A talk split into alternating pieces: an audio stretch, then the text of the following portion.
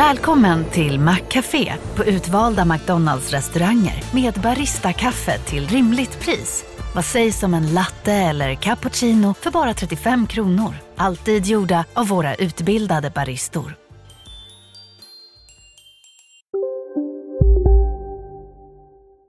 Hej och välkomna till Lisa läser. Det är jag som är Lisa och idag ska jag läsa sagan om en sorglig och rolig jul.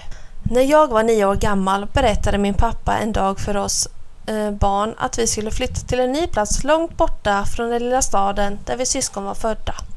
Det lät spännande, även om det betydde att jag fick lämna mina lekkamrater. Detta glömde jag dock snart. Hela familjen förberedde för den stora flyttningen.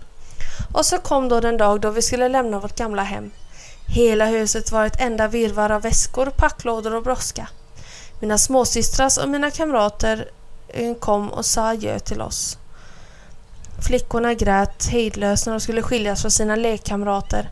Eftersom jag var äldst försökte jag verka oberörd, men nog kändes det vemodigt att lämna allt det gamla och alla de trevliga kamraterna. Men snart var all sorg glömd för den underbara resan till det nya hemmet. Det var vår första resa och det var ett stort äventyr att se nya trakter. Glada och fulla av nyfikenhet och spänning rusade vi på upptäcktsfärd på det nya stället. Det var roligt att få komma till en ny skola och få nya kamrater och det var underbart att plötsligt få ett eget rum. Men det fanns något som var ännu bättre. Ett stall, ett riktigt stall som hörde till vårt nya hus. Vad gjorde det att vi varken hade kor eller hästar? Särskilt som pappa menade att eh, det skulle vi nog kunna skaffa oss så småningom. I mina lekar var stallet redan fyllt av de underbaraste hästar och kor. Och i varje lek låtsades jag också att det fanns en liten spilta med en ponny. En ponny som var alldeles min egna. En dag fick jag hjälpa pappa att bygga en liten extra spilta i stallet. Jag blev het av spänning vid tanken på vad detta skulle kunna betyda. Så långt jag kunde minnas tillbaka hade jag nämligen önskat mig en egen ponny. Min lilla syster Lou, som visste hur ivrigt jag önskade mig en ponny, sa till mig Den där lilla spiltan är nog till din ponny, Lenny. Tänk om du får den redan nu till jul. Det var snart jul och jag vågade inte hoppas på att få den där ponnyn redan den här julen. Jag var så rädd för att bli besviken. Men av hela mitt hjärta önskade jag mig en ponny och varje kväll bad jag till Gud att få min önskan uppfylld. Nu var det snart jul och en dag frågade pappa oss barn vad vi önskade oss i julklapp. Mina småsystrar tabbade upp massor av saker som de önskade sig och när det blev min tur svarade jag en ponny. Inget annat? frågade pappa. Nej, ingenting annat. Inte ens ett par långskaftade stövlar?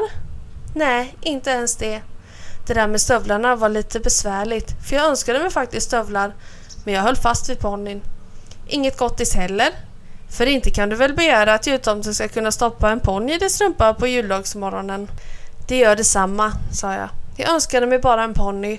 Om jag inte får en ponny så vill jag inte ha någonting alls. Jag sökte upp alla möjliga hästkännare för att få reda på hur en bra ponny skulle bes eh, vara beskaffad. Jag for omkring till alla marknader i trakten och eh, provred den ena ponnyn efter den andra. På det sättet lärde jag mig att rida riktigt bra. Ofta följde pappa med mig och granskade hästarna. Han var så kritisk. Han hittade alltid något fel på varenda ponny vi såg. Så när det äntligen blev jul hade jag nästan gett upp hoppet om att få en ponny i julklapp. På julafton när vi barn hängde upp våra strumpor kände jag mig som en mycket dyster person. Men jag hängde i alla fall upp den största strumpa jag ägde. Så vi gick till sängs och mamma sa till oss att vi absolut inte fick stiga upp före klockan halv åtta nästa morgon. Nästa morgon vaknade vi redan klockan sex och genom de öppna dörrarna låg vi och pratade med varandra om vad det kunde finnas i våra strumpor. Klockan var halv sju eh, och då kunde vi inte längre härda ut med spänningen längre. Vi smög oss upp och stöttade alla fyra in i rummet där strumporna hängde. Och där fanns hela berg av paket, både i strumporna och på golvet under dem. Mina systrar föll på knä vid sina julklappshögar, slet av pappret och snattrade förtjust. Jag gick fram till min strumpa och fann att den var tom. Det fanns ingenting i den och heller ingenting på golvet under den. Jag stod som förlamad av sorg och förtvivlan. När mina systrar fick syn på mig och min tomma strumpa började de gråta. Jag rusade in på mitt rum, klädde mig och sprang ner till stallet. Där kunde jag gråta i fred. Efter en stund kom mamma in i stallet och hittade mig hejdlöst gråtande i den lilla nybyggda spiltan. Snälla Lenny, sa hon med ett ömt leende. Sluta nu genast att gråta. Du måste lugna dig. Du är alldeles för stor för att uppföra dig sådär tjurigt. Juldagen är inte slut ännu, tillade hon hemlighetsfullt. Kom in nu och ät frukost med oss. Jag var alldeles för förtvivlad för att bry mig om vad hon sa. Annars hade jag kanske kunnat bespara mig själv denna förfärliga besvikelse. Vi åt julfrukost, men jag fick inte ner en enda bit. Mina systrar smittades av min sorg och de miste lusten att leka med sina nya fina leksaker och försökte istället att trösta mig. Men jag rusade ifrån dem och satte mig i kökstrappan bakom huset. När jag hade gråtit förbyttes min sorg av ilska. Jag var arg, förorättad och djupt sårad.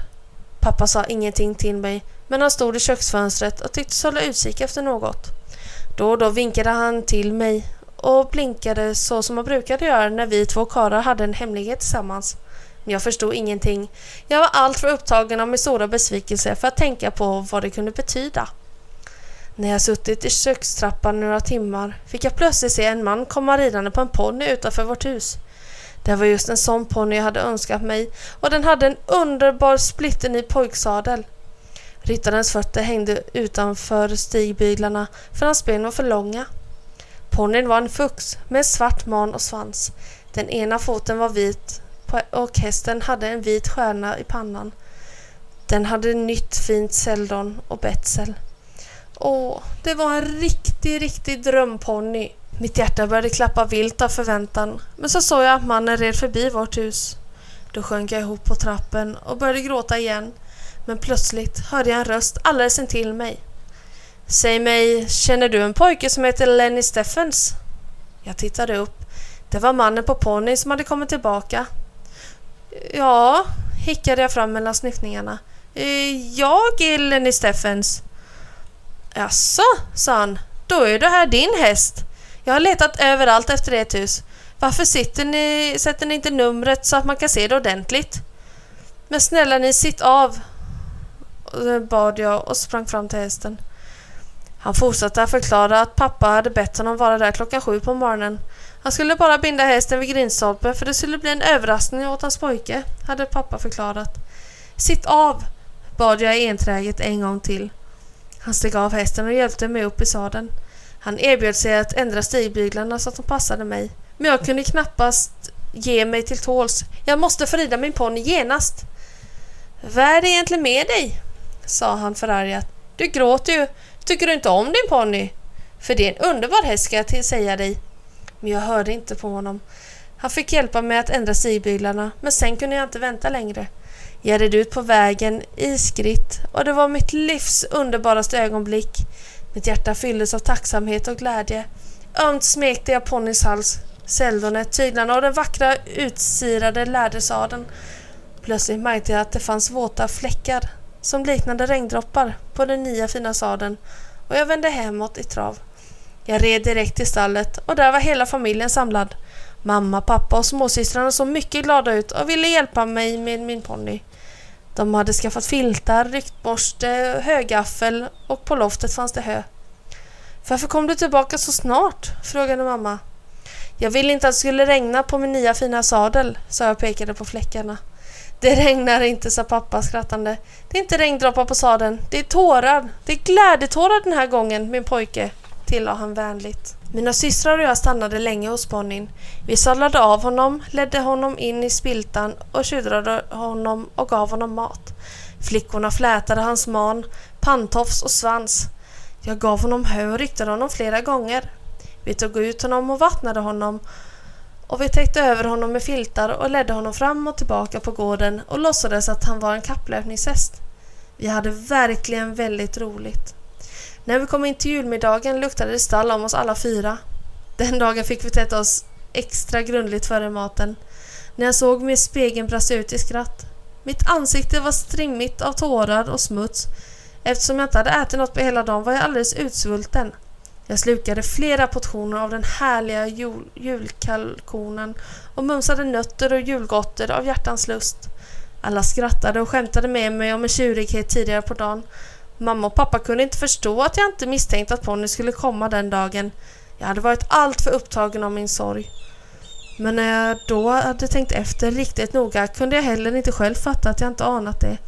Jag kommer ihåg hur pappa stått vid fönstret på morgonen och spanat ivrigt neråt vägen och hur mamma försökt trösta mig med sitt hemlighetsfulla Juldagen är inte slut ännu Lenny. Ja, det var den roligaste julmiddagen jag någonsin varit med om. Jag var alldeles vimmelkantig av lycka. Men jag kunde inte stanna lång stund i taget hos min familj. Ideligen var jag tvungen att rusa ifrån mamma, pappa och syskonen ner till stallet. Jag var tvungen att övertyga mig om att ponnyn verkligen fanns där så att inte den underbara julklappen var en dröm. Gång på gång smekte och klappade jag min ponny och kunde knappast fatta att min högsta önskan hade gått i uppfyllelse. Jag var lycklig ägare till världens underbaraste ponny. När jag nu som vuxen tänker tillbaka på den där julen undrar jag själv om den var min barndoms gladaste eller sorgligaste jul. Jag vet inte riktigt själv. Den dagen var jag så olycklig som bara ett barn kan bli när det upplever sin första stora besvikelse. Men min sorg förbyttes i en glädje så stor att jag aldrig senare i livet upplevt något liknande. Kanske hade jag inte blivit så omåttligt glad över min ponny om jag inte hade fått vänta så förtvivlat länge på den. Och snipp, snapp, snut så var denna lilla saga slut.